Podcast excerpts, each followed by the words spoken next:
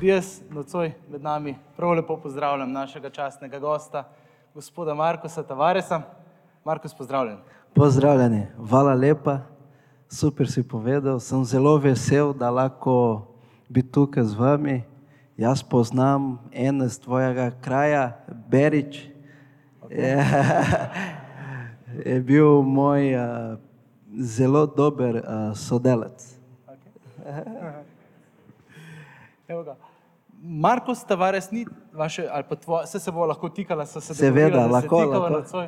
A ne, ni tvoje polno ime, ampak je to Markos Magno Morales Tavares. Točno to. Tako. In veljaš za enega najuspešnejših slovenskih nogometašev, brazilski nogometaš, slovenskim potnim listom, ljubljenec Mariborskega občinstva, si z borbenostjo, srčnostjo postal ikona NK Maribor, kapetan vijoličastih do nedavnega, do nedavnega si najboljši strelec prve slovenske lige, igralec z največ nastopi in goli pri NK Maribor, igralec z največ goli in nastopi na evropskih tekmah in tisti, ki je v slovenski ligi dosegel najhitrejši gol v 8 sekundah.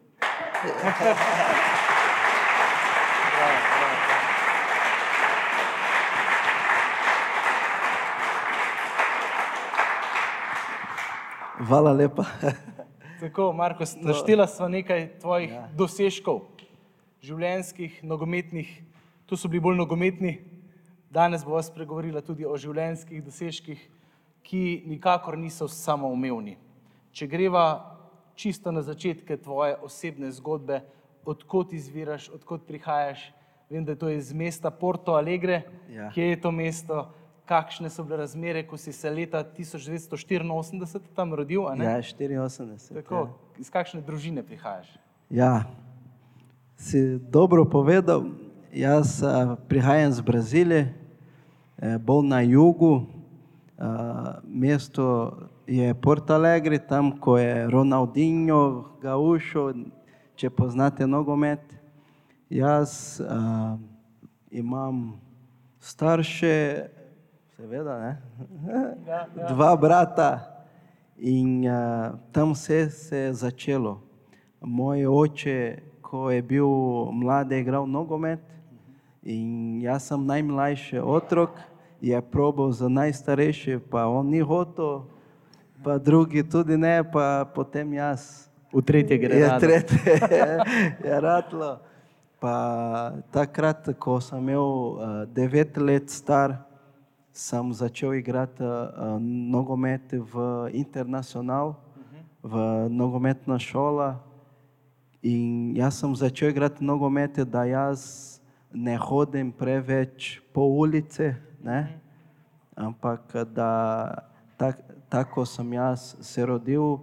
Ljudi uh, ne študirajo dosti, uh, so šli v, v dro, uh, so vzeli droge, so delali nedobre stvari, zato sem začel igrati nogomet, da ja čim več razmišljam o zdravo, eh, zdravem življenju. Vem, da, da ne morem uh, piti alkohol, pa se drogirati, pa naredim druge stvari, zato sem začel igrati nogomet. Ampak z nogometom nisi začel šele, ko si prišel v klub pred devetih letih, ampak že čisto od najmanjšega naprej. Ne? Eno prvih daril je bila žoga, kot vemo. Ja, ja, uh, v Braziliji prvo darilo, ki damo za fanta, je žoga. In takrat, ko sem dobil žogo, sem spal. Pa jaz sem igral nogomet cel dan. Uh, včasih samo takrat, ko je mama meni klicala, uh, kosilo je na mizi. Sem- šel uh, domov, ampak sem igral nogomet cel dan. Okay. In to je bil en tak poseben nogomet.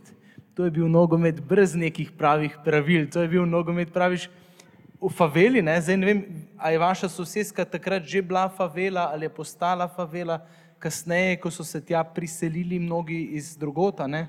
Praviš, v faveli ni favla. Ja, v faveli ni faula. Tam moramo, uh, vse moramo narediti, da, da držimo žoga v sebi, me, med uh, nogami. Ja, posest. In zato mogoče dobro igram nogomet, ker takrat sem mogel držati žoga, ni faula, če se jokam, uh, Lahko jokaš, celi dan ne boš nič dobil. Nič ne pomaga, moraš Ja, biti, moraš biti čvrst. Ne? Čvrst, Tebe so ja. klicali pa kako? Babu? Balu, Balu. balu, balu. Si bil močen. sem bil močen, uh, ampak ta, ta moči, ki sem imel, je bilo zaradi dobra življenja, ampak ker sem imel res uh, težke uh, otroštvo in zato sem mogel narediti uh, vse, da lahko preživim v faveli. Iz tistega časa, tako ko berem v tvoji knjigi, recimo zgodbo, me je zelo se dotaknilo, kako si mogel biti taf, uh -huh. ampak da si tudi v bistvu v sebi imel ogromno ene take jeze in si veliko, tudi v nogometu ali pa kako drugače, se mal zravsal, še posebej, ko je vaša družina se v bistvu morala izseliti od tam, ko ja. Je oče izgubil službo in tako. Ne? Ja, uh, na začetku mi smo živeli zelo lepo, smo imeli stanovanje, ampak uh, so v najem imeli stanovanje staršev in enkrat je prišel do lastnika in rekel, jaz bom prodal stanovanje, imaš čas en mesec, da se selite. In potem ni, mi nismo vedeli, kam, nismo imeli denar. Potem moj uh, oče je prodal vse opreme, ki smo imeli doma, in da kupimo novo hišo. In nova hiša, ker smo imeli, je bila tak, tak kvadrat, in takrat sem spal na tle, uh, nisem imel postelje. Uh, takrat je stvari se je začelo, tudi mi smo šli v favele živeti, nismo imeli denar. Oče ni imel denar za graditi hišo, je, je prosil za eno firmo tam, če lahko, je, rekel, je prišel do firme in rekel, jaz nimam denar, ampak jaz, ko bom imel denar, bom plačal vse, pa potem so, so dali za njega. In na tak način sem rastel v Braziliji. Tudi lačen kdaj. Tudi takrat, ko moja mama, ne vem, če moja mama in moj očeta so šli na razen, uh -huh. potem mama, moja mama je učiteljica, zdaj v penzijo, zdaj že. In uh, takrat, uh, skoraj eno leto sem bil brez očeta in moja mama je, je delala za tri sina, ne, si, sinove. Uh -huh. In potem ona je delala samo kekse, je kuhala kekse zjutraj, smo imeli za zajtrk, kosilo in večerja. In to dosti krat smo na tak način živeli. Ko sem bil lačen, moja mama je rekla, daš paradižnik na pol, malo soli, pa to sem jedel. In na tak način sem rastel v Braziliji.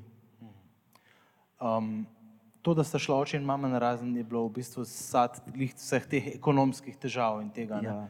In sta potem prišla skupaj spet. Ja, hvala Bogu, Ja. kot da je danes je bil uh, veliko noč, ne, ne veliko noč Božiček. Moj oče je prišel nazaj domov in je rekel, da ima nove službe, da je se poriktal kot oseba in takrat je bilo čisto drugače, ampak res smo imeli težki trenutek, ampak uh, družina je zelo pomembna in, in moja mama je držala uh, do konca, ne? potem je prišel očeta z druge mentalitete in na tak način smo potem rastli in smo zmagali. Ampak takrat si bil pa ti že na robu najstništva. Ne? Takrat si že potem, potem je oče, tukaj sta dva kluba, ne? Internacional, pa ta drugi je Gremio. Gremio, Gremio. In tukaj med njima je, kaj? Tukaj med njima Grenal. je Grenal. Derbi. Derbi. To je največji derbi v Braziliji, Okay. ker a, tudi firma, ko, ko imajo neki tekmovanje, vedno Gremio Internacional. Tudi pri meni doma, moja žena navija za Gremio, jaz za Internacional. Okay. In zdaj uh, jaz imam fanta, dva fanta navija za, grem, za internacional, plus ena hčerka sem dobil za sebe. Ena hčer, eh, dve hčerke navija za gremio in žena. Ampak si pa prestopil iz Internacionala Gremio. Ja. žena, moja žena reče vedno, zaradi gremio tebe poznam, ti moraš biti ponos na Ne, ko moj ata, ko je šel dela v internacional, je prišel nazaj domov in potem z mojo mamo so se, se vrnili. ponovno pove- ja, ponovno. povezala, ja? In takrat moj oče šel delati v internacional, potem jaz sem igral nogomet v ulici cel dan. Cel dan, pa enkrat sem rekel, oče, prosim, pridi pogledaj ena tekma. In oče, ne, nimam čas, jaz delam, ampak en sobot je šel pogledat. In takrat je videl, uh, on, on ima nekaj, ne? ja, ja, on ima nekaj. In takrat sem eh, šel delati en eh, test pri internacional, sem imel devet let star in takrat eh, brazilska reprezentanca je zmagala svetovno prvenstvo in potem sem imel sanjo, en dan bom igral nogomet. Wow. Bravo. In potem si čez čas prestopil v Gremijo in tam si potem v teh mladinskih ligah zelo napredoval. Ne? Ja, 13 let star je prišel Gremijo, ker uh, derbi, ne? Gremijo do mojega očeta je rekel, tvoj sin je zelo zanimiv, če lahko pride igrati v Gremijo. In takrat so meni uh, plačali 10 tisoč dolarjev. Wow. In s tem denar sem pomagal staršu očeta, da gradi svojo hišo. In potem sem imel 150 dolarjev plača. In jaz sem šel živeti v stadion. Okay. V stadion smo imeli pod tribuna, smo imeli en prostor, ki tam smo živeli več kot 50 otrok, fantov okoli cele Brazilije, ki pride vsako leto. In takrat sem šel živeti tja in potem moja, moj oče je izgubil delo v, v služba od Internacional. Ki je derbi, kot da i Olimpija in, gre, in, in Maribor. Ne? Da gre sin k Mariboru, oče dela pa pri Olimpiji. Ja, in Okej, potem oni so rekli, adijo, ne hodi tu več. In potem takrat, ko je vse bilo ok, sem šel v, igrati v brazilske reprezentance v 15 Hmm. in takrat eh, sem vedel, da, da Bog ima načrt za mene, da bom res bom bil en, en dan nogometaš. Hmm. Takrat si v bistvu spoznal tudi enega zelo slavnega nogometaša. Ne? Sta bila prijatelja z, Ronaldinho. z ja. Ronaldinjem. Ne? Ja. Ja, takrat je Ronaldinho že bil, ni bil v članski ekipi, je bil v mladinski ekipo in je že takrat je bil perspektiven, so rekli, da on je najboljši igralec in moj bratranec je igral z njim. En dan je prišel moj bratranec do mene eh, na trening in je rekel, hej, pridi po trening do mene, ker mi imamo ena žurka tam, ena, Ja. zabava in tam bom tebi uh, predstavil Ronaldinho. Seveda, sem šel tja in mi smo imeli tam zabava. Z Ronaldinjem je bilo tako, ne, da si se od njega veliko naučil, od nogometa, ne? obenem je bilo pa res tudi veliko teh zabav. Ne? Ja, ja, on je tak tip.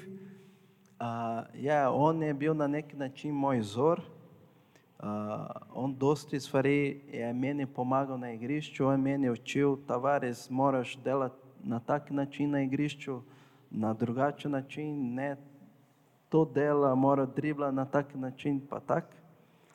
In on je vedno meni pomagal. In tudi drugi del tudi meni pomaga. Je Rekel, spije ta pivo, jaz sem bil 15, 15 let star, pije pivo in po treningu dela pet krogov in pivo gre stran. In na tak način sem delal. Ne? Praviš, je bilo pa ob teh treningih res če dalje več tudi teh zabav. Bilo je potem kasneje tudi taka tipična najstniška scena, samo za zvezdniškim pridihom. Ne? Ja, ste vi že imeli tudi nekaj tega zvezdništva, ker v bistvu, če ste bili vi 50 mulcev tam v kampusu noter, od zunih je bilo pa na 100 tisoče verjetno, ki so si pa želeli tja priti. Tja prid, to je res. In potem, ko si prijatelj od Ronaldinho, ne, to je za mene bilo wow. Jaz, jaz iz nič, jaz sem spal na tle in zdaj jaz sem najboljši prijatelj od Ronaldinho, ki ima dobri avto, BMW, uh, Audi. Potem moja glava je čist se eh, obrnila in nisem imel dosti čustvena inteligenca, da razumem stvari. In potem jaz sem šel na, na, na drugi svet in nisem znal, na kak način lahko nehati ali na kak način lahko na drugačen uh, način živeti. Tudi moji starši niso imeli meni več pod kontrolo, sem šel živeti v stadion in potem sem se zgubil malo, ko sem bil malo mladi, pa tako. Mi je pomemben del te zgodbe, veš, uh, da si se zgubil, ker v resnici ni samo umevno, da si se spet našel. Ne? Ja, ja, ja. ni samo umevno. Ne? Tukaj bomo kasneje spregovorila o nekom, ki ti je pomagal najti, ampak ena čist konkretna oseba je bila, pa, ki si jo spoznal pa na žurki za svoj rojstni dan, če, če Ja. pravilno vem, 18. 18 let star, Ja. Uh, sem imel svojo fešta, ne? pa potem moja žena, prvič sem videla moja žena tam. In letič, le, lečicija, leticija, Aha, kako se reče pravilno? Po... lečicija. Lečicija. Ja. Okay, lečicija. In takrat prvič sem videla, uh, videla ne? in sem rekel, ta bo moja žena. Tak.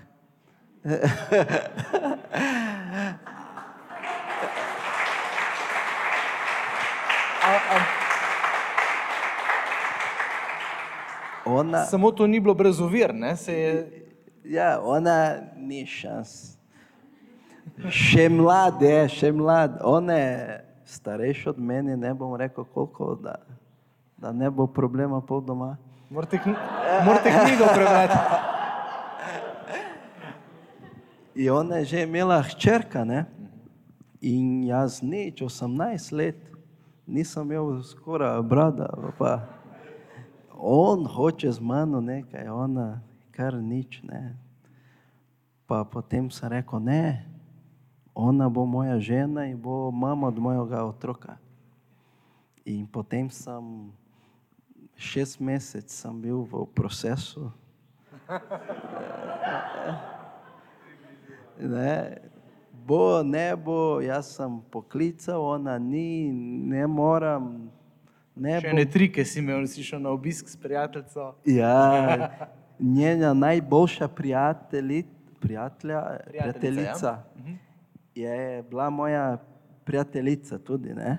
Za, zaradi tega smo se poznali in potem vsak dan sem poklical najboljše prijateljice, gremo tam do lečisja, gremo, idi tja ti, pa jaz zadaj se skrivam. In na tak način sem spoznala. In potem šest mesecev smo bili skupaj. In potem je ona kuhala doma, veš, torta, eh, čaj. In zato sem nehal tudi zvečer iti na zabavo, te uh, zabava, te alkohol, uh, ženske, zaradi njo sem nehal delati druge stvari. Wow. In potem se je dejansko zgodilo, da sta bila že noseča. Po šest mesecev sem rekel, uh, žena, mi moramo takoj narediti otrok. Takoj. Ker si imel vizijo, ne? Jaz sem imel vizijo. Je rekla, ne, ne, pri meni doma najprej se poročimo, ne, ne, po imamo otrok. Sem rekel, ne, ne, pri meni doma ne delamo tako. Jaz sem prišel iz favele, eh, to je drugo. Ne, ker moja žena je, ima lepa družina, oče, mama, jaz nisem. Ona je imela že avto, stanovanja, jaz, to je to, ne, jaz nimam nič. Imam ženo, ki ima avto in Aha, stanovanje. nič treba. To je to. In potem sem rekel, žena, jaz moramo takoj uh, imeti otrok zdaj, ker enkrat, en dan bom igral z njim. 20 let nazaj, to sem rekel.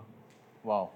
In sem rekel, jaz vem, naš prvi otrok bo imel isti ime, kot imam jaz zdaj, in enkrat bom igral z njim. In zdaj, ne vem, en mesec nazaj sem igral z mojega sina.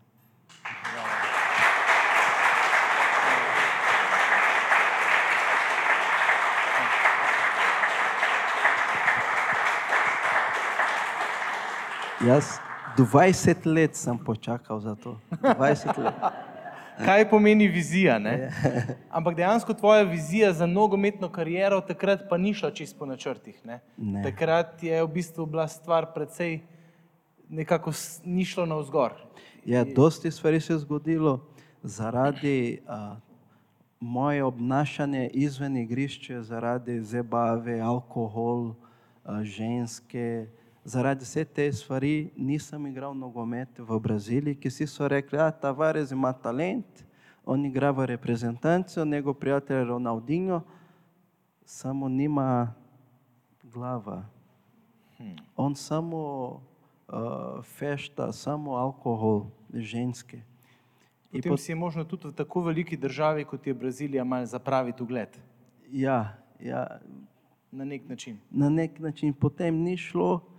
Pa 18 let, ko sem bil star, sem še sem bil v članski ekipi potem, sem igral v članski ekipi, ampak enkrat so menjali trenerji, so rekli, vsi, ki imajo starost, da igra v mladinske ekipe, morajo tam iti.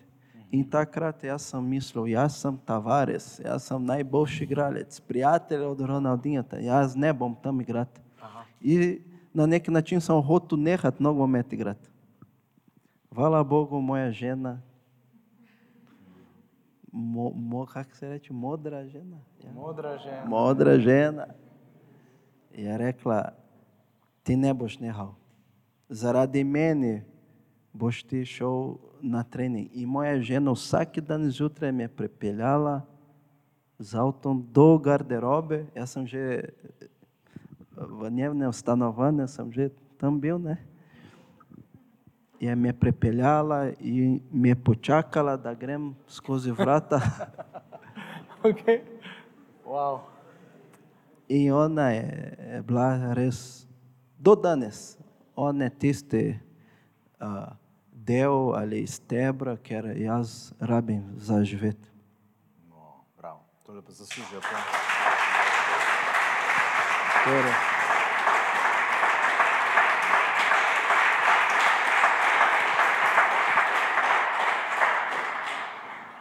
Meni je bilo v tej vajni ljubezenski zgodbi najbolj pretresljivo, kaj je dejansko v tisti točki bila ona pripravljena dati zate in za vajen odnos, ker ti je sledila čisto na drug konec sveta, doma je morala pustiti pa nekaj najdra, najdragocenejšega. Ne? Ja, to je en del v naše življenje, ki ni bilo lahko. Ne? Potem, ko sem bil 19 let star, sem šel igrati v Maleziji, ki nisem hotel igrati več v, v Gremiju. In takrat, ko sem šel v Maleziji igrati, jaz nisem znal angliško, samo do deset sem znal šteti. Uh, potem sem šel tja, pa prvi teden sem izgubil 4 kile, ker nisem znal reči uh, hrana brez spicy, ona Začim. poper, poper. Popra, ja. Uh, tam v Maleziji samo to jejo. Jaz, ko sem šel v hotelu, jaz sem gledal meni. Jaz hočem, hočem to. In preveč poper, in sem eno žlico, pa celo Coca-Cola sem, poje, sem pil, spil in, in na tak način je bilo. Potem sem čakal en mesec, sem rekel, žena, moraš priti v Malezijo. Jaz ona je bila noseča že. Sem rekel, ne bom držal, tebi rabim. In potem sem rekel, ti imaš en mesec časa, da pride v, Sloven v Maleziji.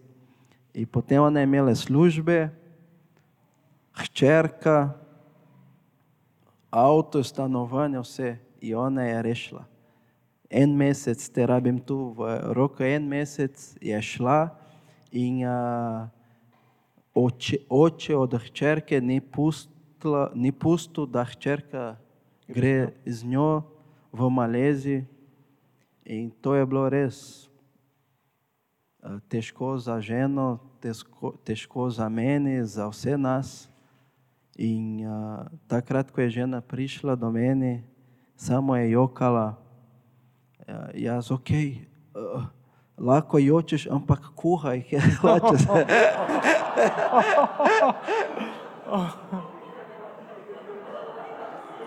ja, samo kuhaj, prosim, naša hrana, ona, jaz ne morem več tu. In potem vsak, vsak, uh, vsak dan, vsak zvečer, eno uro na telefonu smo se jokali. In uh, je bilo zelo težko, moja žena je res uh, je pustila vse, da lahko živi z mano. In, in res, Težke stopnice na poti do uspeha. Ne? Zelo težko. In, in potem takrat v Maleziji, prvi dva meseca, uh, mi smo izgubili par tekem tam v Maleziji in predsednik ni, ni plačal, potem uh, mi smo tudi imeli težavo. Jaz, uh, mlad sem bil, žena noseča, uh, hčerka v Braziliji, pa nismo imeli denar za jesti. In en dan žena je čistila hiša, je tam v Maleziji dosti kitajski ljudi, ki tam živijo, oni pustijo denar, neki uh, hajde, uh, Skrijejo denar. Izkrijejo denar. In en dan moja žena je čistila cel stan uh, uh, hiša, je najdla ne vem koliko uh, denar tam, pa zaradi ta denar, ki smo najdli, smo jedli. Aha, v tisti vaši hiši je, je našla denar. Wow. Moja žena je šla skozi tudi težke trenutek z mano. Ja. Jaz sem kriv. In potem je ona kuhala špageti in tuna, to smo jedli Hm. več kot en mesec. In ona za sebe je naredila uh, taka mala porcija, ne? Uh, ampak ona je dala špageti malo na razen, da se vidi, da ona ima dosti. In je meni dala več, ker je vedela, da rabim energijo za igrati nogomet. Wow. In na tak način smo preživeli. In na koncu sem bil v Maleziji tri let, prvi strelec lige, in potem je bilo malo boljše. Ja. Wow.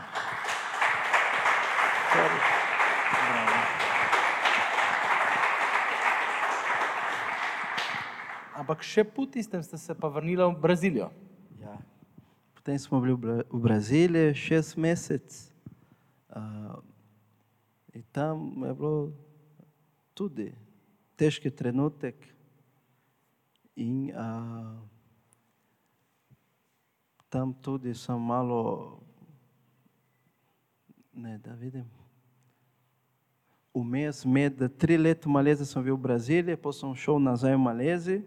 Pa potem spet sem bil šest mesecev v Braziliji, v klubu od brata od Ronaldinhota. Aha. On je naredil klub in potem sem šel tam igrati in tam sem bil šest mesecev in tam sem že imel, uh, na kaj lahko rečem, Jezus v srcu. Ja.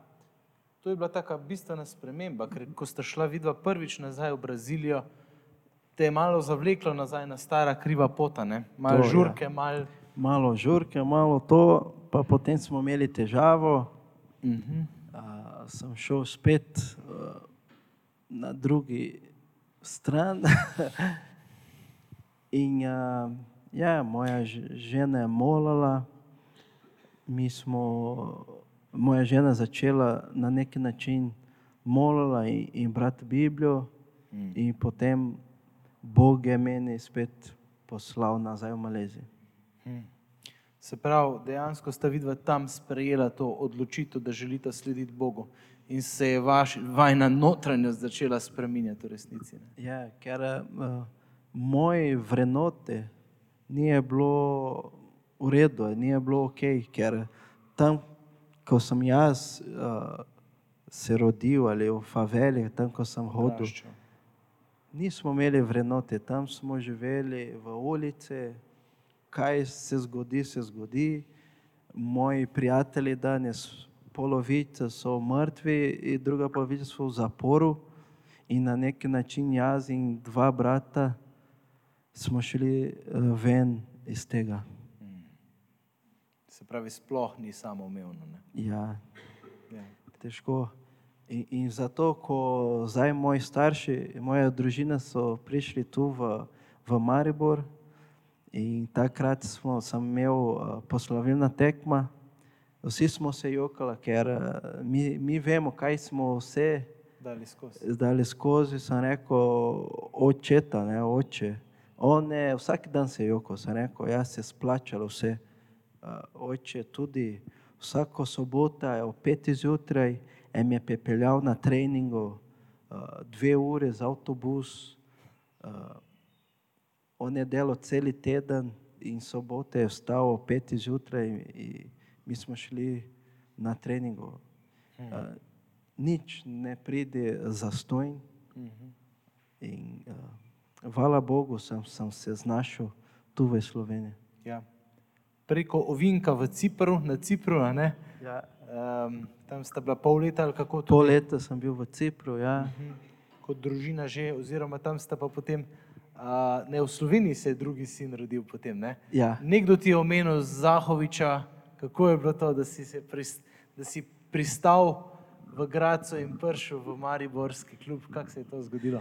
Ja, um, tam v, Cipri, v Cipru smo, jaz sem igral v Apoel Nikoziji, potem na, v drugim klubu je bil še en uh, igralec, ki je prej igral v Sloveniji, v Koper. In on je igral tam, pa smo se pogovarjali, in on je prišel v Maribor igrati po par mesecev. Pa potem je meni poklical, on meni poklical, Tavares, mi rabimo napadalec, ti si odprt, ti hočeš igrati. Sem rekel, ja, jaz tu ne igram dosti. In potem, uh, on- ki je rekel, jaz sem vprašal, ki je Slovenija, ki, ki je, kam, Slovenija, Slovakia, ne Slovakia, Slovenija, uh, bivša Jugoslavija. A, zdaj pa vem. Potem sem šel v računalnik na Google, kje je Slovenija. Pa potem sem prišel na probo, uh, direktko Zahovič me je počakal eh, na letališču, pa potem smo šli na pripravo. Wow. Super. Uh, in so te vzeli in so ti plačali desetkrat toliko kot na Cipru. Ne. Desetkrat manj. desetkrat manj. A, Je rekel direktor, je prišel do mene, "Ti- vem, da imaš kvaliteto, samo zdaj mi štartamo projekt, čez tri leta bomo igrali Liga Evropa, ampak mi nimamo denar. In če boš ti podpisal, moraš zgubiti minimum par, eh, sedem kilo, je rekel, sedem kilo moraš zgubiti. Sem rekel, mm, Potem je mi je dal pogodbo, ta, ta pogodba je bila šest mesecev plus eno leto. Pa potem sem prišel sem, sem rekel, žena, jaz sem najdel klub, samo plača bo desetkrat manj. Je rekel, ok, gremo, ni problema. Ker te je imelo že, da bi kar malo obupal, ne? ker tam Ja. Cipru nisi, na Cipru nisi glih veliko igral. Stvar je izgledala, kot da gre vse samo navzdol. Ja, kot da sem a, na neki način pozabil igrati nogomet. V Cipru nisem dobro igral, pa nismo igrali Evropa. Predsednik je prišel do nas, mi smo imeli tam pet Brazilcev. Predsednik je prišel do nas, in zdaj, ki a, mi ne bomo igrali Evropa več, vi niste vreden, ne, nočemo več vi Brazilce. In je dal na stran, In v Cipru je 40 stopinj, jaz sem treniral tam uh, sam ob 12 š- v 40 stopinj in tam sem laufal eno uro, pa potem sem šel domov. In moj prijatelj je poklical Newton, pa sem prišel v Maribor. In potem, ko sem prišel v Maribor, ok, Brazilci v Maribor, jaz sem bil prvi brazilec, ki sem igral v Maribor, ne? zdaj v Maribor Brazilci.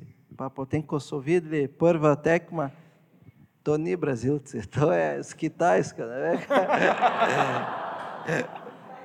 Ja, kitajski, brazilski. En je rekel, to je zdrava, to ni iz Brazilije. In mojo, mojo delo je, da zabijem gole. In prvi tri mesece nisem zabil en gol. Oh, wow. Pa jaz sem rekel, zdaj je gotovo.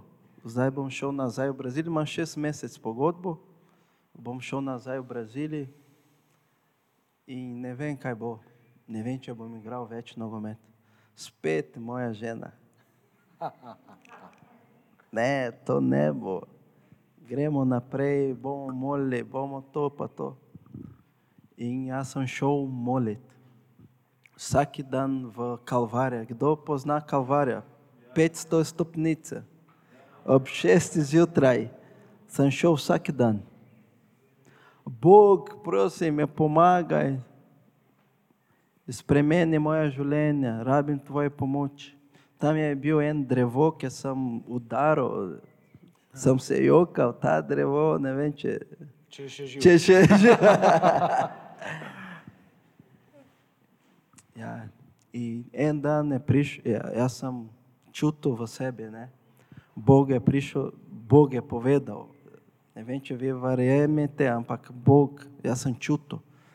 Ti boš ostal v Maribor ne zaradi svoje kvalitete, ne zaradi tebe, ampak, ampak jaz hočem, da boš ostal v Maribor. Wow.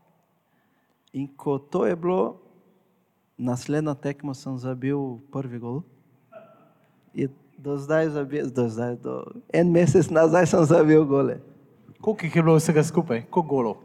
211.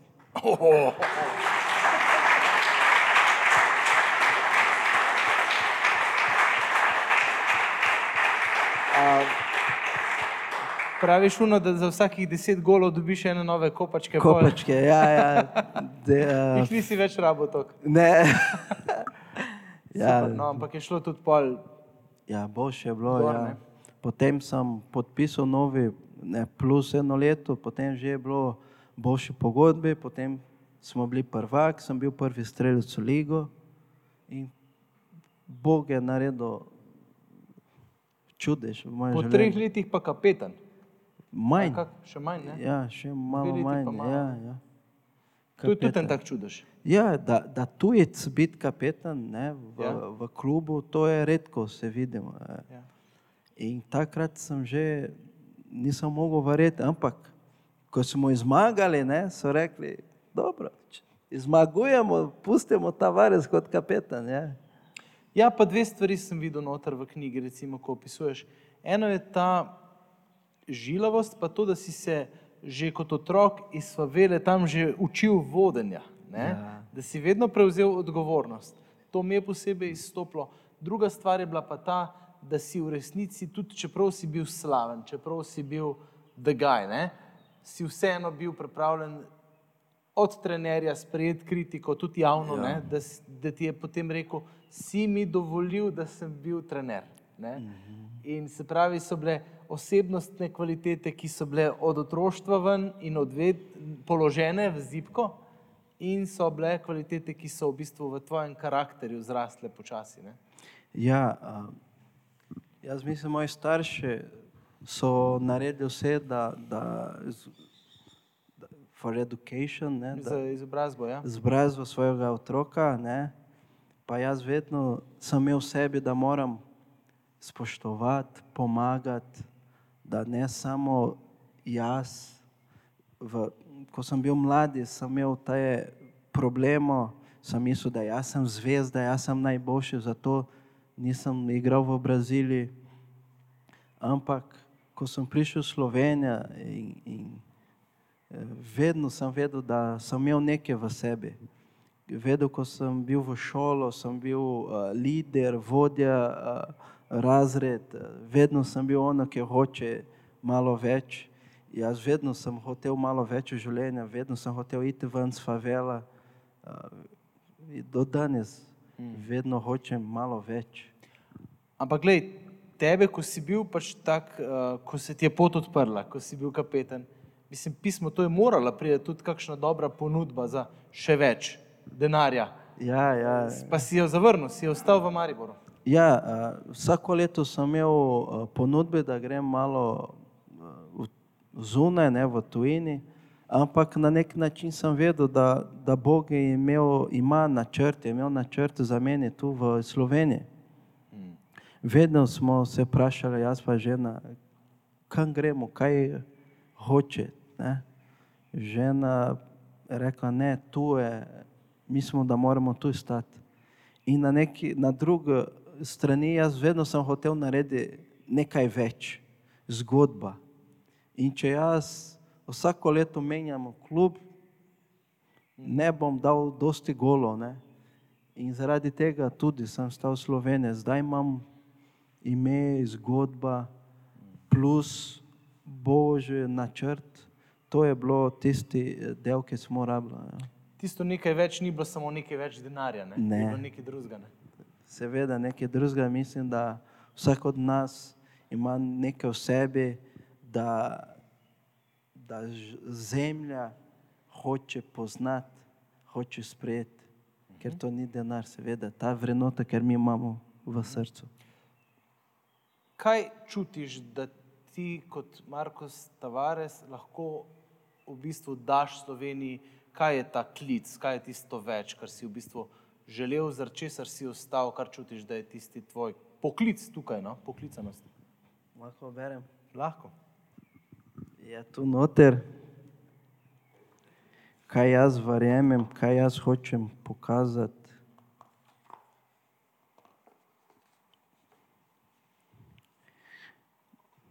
Biblija pravi, Jezus je pot življenja in resnica. To sem želel sporočiti ljudem. Mil se sem skrajšal in v edino resnico, v katero verjamem, Jezus je pot. To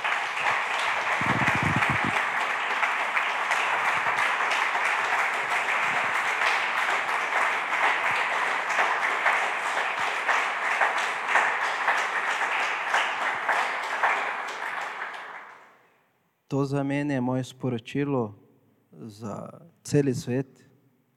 Jezus je spremenil moje življenje. Jaz nisem mrtev, nisem v zaporu zaradi Jezus, ki je en dan imel uh, načrt za mene in, in če imam danes družina, ker je Jezus spremenil moje življenje, ker moja žena je dosti stvari šel skozi, ker nisem imel glavo, ampak takrat, ko sem razumel, kaj pomeni družina, ljubezen, življenje, takrat moje življenje se je spremenilo, takrat sem začel imeti res žena in družina. Dej prosim malo bolj podrobno povej, kako je v tebi Jezus deloval. Eh, Spomnim se, da sem bral, ko praviš, kot mulj sem hotel kar pretepsti tam otroke, recimo v meni je bilo toliko ene jeze, v meni je bilo toliko enega hlastanja ne, za nečim, ne, tudi tisti alkohol, pa ženska, pa tako naprej. Potem, ko si to spoznal, kako je to spoznanje v tebi izgledalo, kako je Bog to naredil v tebi? Jaz sem imel neke frustracije. Ne? Jaz nisem imel pojstle, nisem imel igrače, ko sem hotel s kolesom uh, voziti. Jaz sem mogel vprašati nekomu, včasih jaz sem vzel na silu in sem šel sem. Na tak način sem znal biciklat. Nisem. In potem sem videl pri televiziji te reklame za jogurt, cornflakes. To sem se želel. In sem imel neke frus- frustracije v sebi. In na tak način sem ta frustracijo sem pokazal z jezem. Jaz sem skregal z vsemi. En dan v moja ulica tam, en dan vsi otrok niso hoteli se pogovarjati z mano. Pa nisem imel prijatelj. A, In ta frustracija meni, dosti stvari sem naredil narobe, dosti napako zaradi frustracije. In je, ko sem spoznal Jezus, On me je dal ljubezen, On me, me na neki način skozi svoje ljubezen med drugim, kot drugi ljudi so meni pokazali ljubezen. Takrat sem se spremenil in takrat sem tudi začel na drugačen način uh, obnašati. In si videl, da je Jezus tista pot. Ja. Kaj recimo danes pomeni za te, Jezus je pot? Kam vodi ta pot? On je, Biblija pravi, da je on resnica in življenje. Jaz sem živel v, v laži, v laži. Lažeh, ja, v laži, ja. Ja. In ko sem bral Biblijo, ko sem spoznal druge ljudi, ki so imeli Jezus, On je mi pokazal pot za uspehe, za veselje, za mir, za ljubezen. In to je Jezus naredil moje življenje. On je meni preko svoje brate in sestre, ne preko brate in sestre, ki imamo v cerkvi, Jezus meni pripeljal na pravi pot. In ta prava pot je mi je dal družina, je mi je dal vse, kar imam jaz danes, vse, kar ti si bral na začetku. Če ni je bilo Jezus in če ni je bilo moja žena, ni šanse, da dosežem vse te rekorde, statistike, ki si prebral. In on ti pravi, da ti je družino.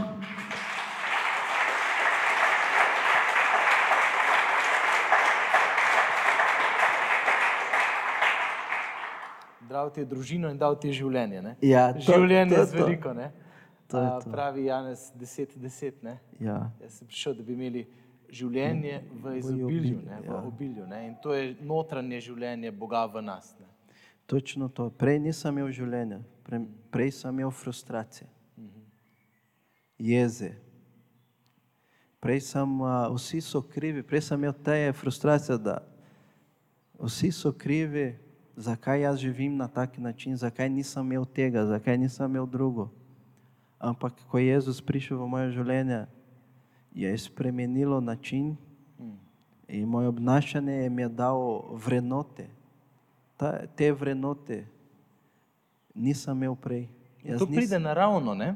Se Naravno. ni treba matrati za to. Ne? Ne, prej nisem imel življenja, prav, nisem imel življenja, nisem vedel, kaj pomeni življenje. In danes imam življenje, imam vse, ker Jezus meni je dal. Jezus mi je spremenil iz nič do Marko Stavares danes. Ne. Legenda. Legenda.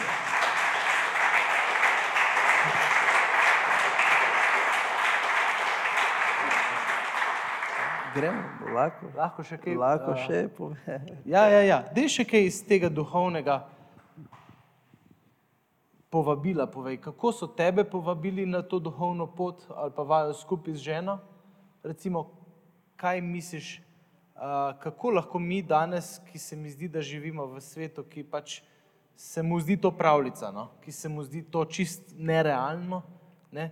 Tukaj imamo pa tebe, realno osebo, ki te poznamo, ki vemo, kaj si bil in kaj si danes, recimo, in pričuješ o tem, ne? kot priča, živa priča, da to je res. Ne? Kako se ti zdi, da bi še lahko povedal temu svetu, da je to res? Ja, eh, to je res. Mi živimo v svet, kjer eh, ni realno ali dosti stvari se, se dogaja. Je vojna, je kriza, je zdaj uh, korona. In mi, in mi na nek način smo noter v te mehurček in ne pogledamo, da obstaja drugi način življenja. In ta življenje, ki si rekel, Janez 10, 10, samo Bog ima, ima za nas. In ta življenje je simpel, kako se reče, Preprosto, ja. preprosto za- zaživeti, ampak v drugi strani ni dosti ljudi hočejo imeti ta življenja. Ampak če, če Jezus živi, potem on, tudi bo spremenil, ne vem zdaj, kako lahko govorim to, Jezus obstaja. To hočem povedati, da Jezus je živ, da Jezus obstaja. In On lahko nas da nove življenje, ker življenje, ki mi ne vidimo. Zadnjič sem slišal eno zelo dobro primerjavo. Ne? Pravi, kot da bi mi večina živeli življenje v 2D, potem se ti pa odpre pogled in vidiš še tretjo dimenzijo, kar naenkrat začneš videti v 3D. Ja. Tako se mi zdi, je, je dobra primerjava. Je dobra primerjava. In, in če, če pogovarjamo več o Jezus, zadnjič sem povedal v našo crkvo, skupino, da vse te dogodke, vse te rekorde, to je bilo skozi življenje z Bogom, iz Jezus. Jaz sem molil pred, da smo dali trava gor v stadion, jaz sem že molil prej. Tam sem napisal spodaj, Jezus je pot. So skrite stvari, ki mi ne vemo, ampak Bog dela. Vsak uh, prvenstvo, ki smo zmagali, vsak, uh, kra, vsakeč, ko smo šli v Ligo Prvako, Ligo Evropa, mi smo molili prej. Ekipa. E, Jaz Cerkev. in crkv. Okay, wow. Prej.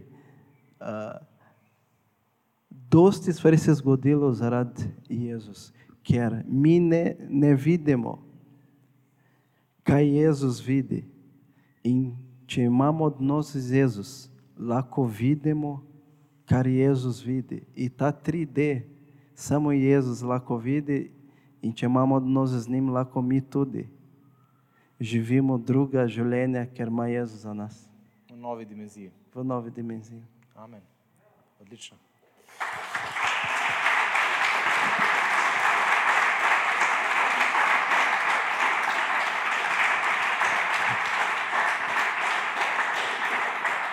In, in potem ti za zraven, za nameček, da še cukrček na vrhu tortice, ne? da ti uresniči sanje, da skupaj s sinom igraš zaključno tekmo in da poimenujejo tri, tribuno po tebi, ne. Tribuna, Mark Savares, ja. Noro. To je bilo, Kako si Vsem- doživljal to slovo? No? To. to je bilo vse nadnaravno za mene. Nikoli sem razmišljal, da bom živel tak, tak stvari, v, ampak a, res Jezus dela čudež. In po 20 let, ko sem čakal, sem igral svojega sina. Tribuna za moje ime je Marko Tavares. Vse, kar se je zgodilo, je bilo za mene preveč. Edini uh, občutek, fili, ker jaz imam, je, uh, da sem hvaležen za vse, kar se je zgodilo tu v Sloveniji, ker jaz sem tujec. Ampak Slovenija me tako toplo sprejeli, da, da ne mor, nimam besede, brez besede imam. Hmm. Wow.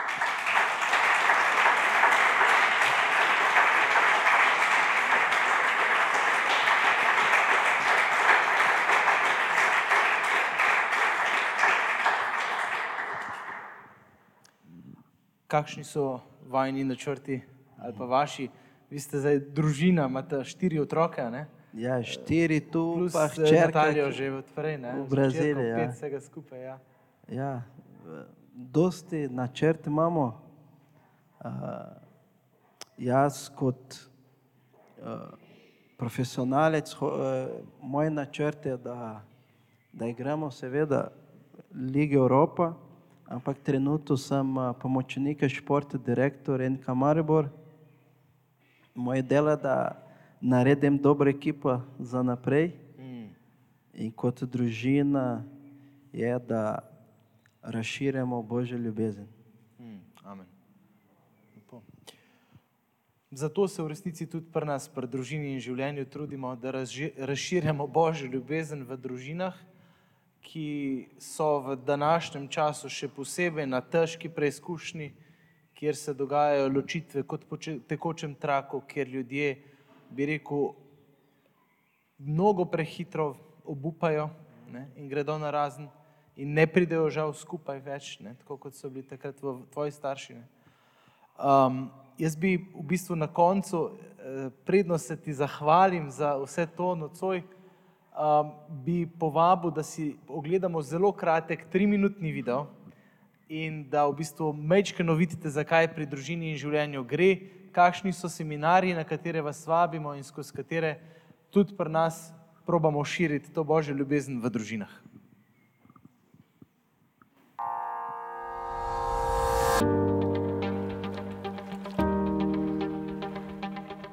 Pravimo, da je družina prostor, kjer se vzgajamo za odnose. Da je družina naročje ljubezni, je rekel nekdo. Eh, Je različna predavanja, kakšna zveš malo več, kakšna zveš pač stvari, ki jih nekako že doživljaš v zakonu. občutek sem imel, da smo se nekaj napolnili z nečem. No? in Čisto rekel, jaz sem se po svojo ženo še enkrat zaljubil, čisto ponovno. So konkretne zadeve, Ja, kar konkretno A. ti povejo. Ja, verjetno tisti, ki so malo dalj poročeni, verjetno te konkretne stvari že bolj so doživeli, kot mi dva, ki smo zdaj tri leta poročena.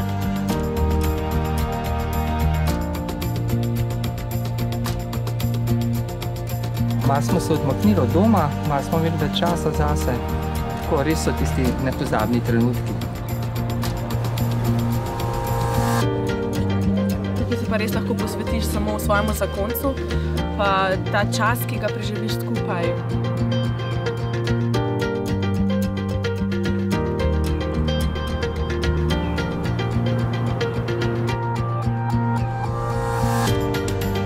če ne drugega, je to eno tako, kako bi človek rekel, orodje, ki ti lahko pomaga. Sva tudi kakšne stvari nove zvedla, tako kaj naj mogoče še čaka.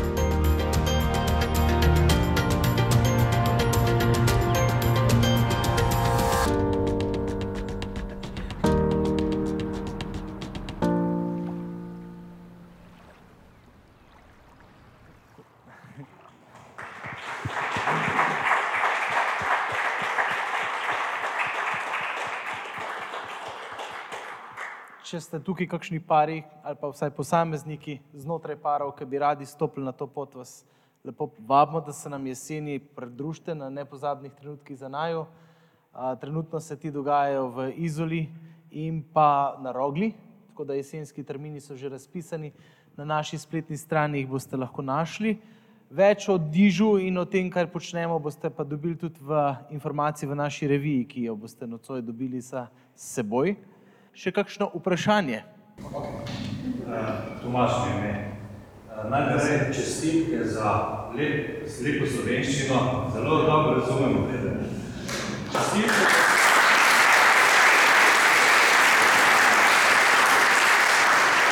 Torej, Čestitke za vse dobre igre pa gole, z veseljem smo jih spremljali.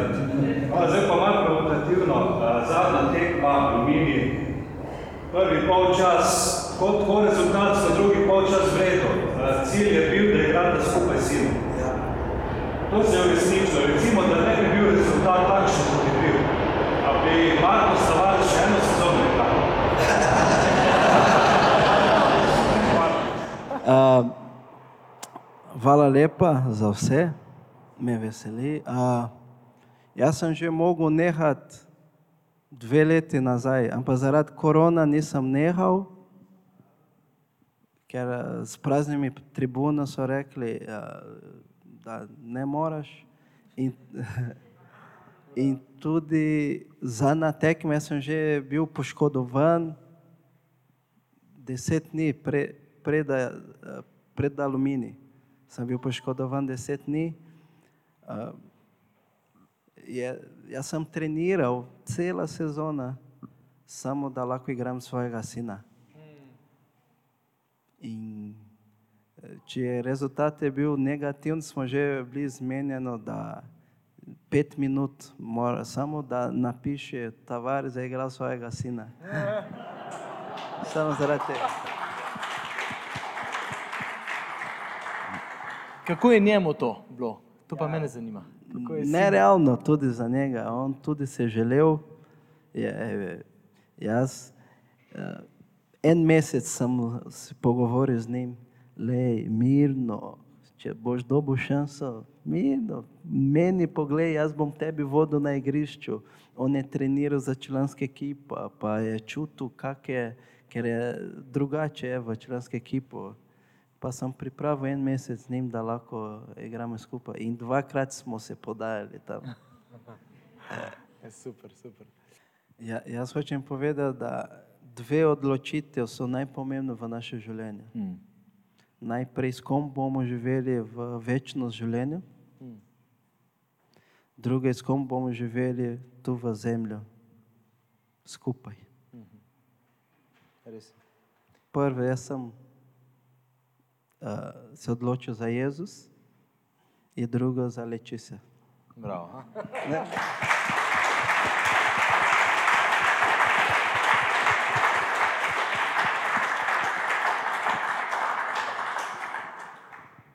Ja, nič. Hvala lepa, Markos. Uh, čudovit večer je bil. Uh, Zlatko, ja, hvala. Mi imamo tudi Zlatko tukaj iz Maribora. Bravo! Sem, sem da je zdaj že dolg časa naturaliziran velenčan. Tako da, evo, tule je ena malenkost v našem imenu, družine in življenja. Uh, tako notri je tudi odlična kapljica Super. našega domačega, bomo rekli, vinarja Kerina in pa tudi naša revija, pa še neka malenkost. Um, Hvala tako da- lepa, hvala lepa. Hvala. Hvala lepa. Hvala.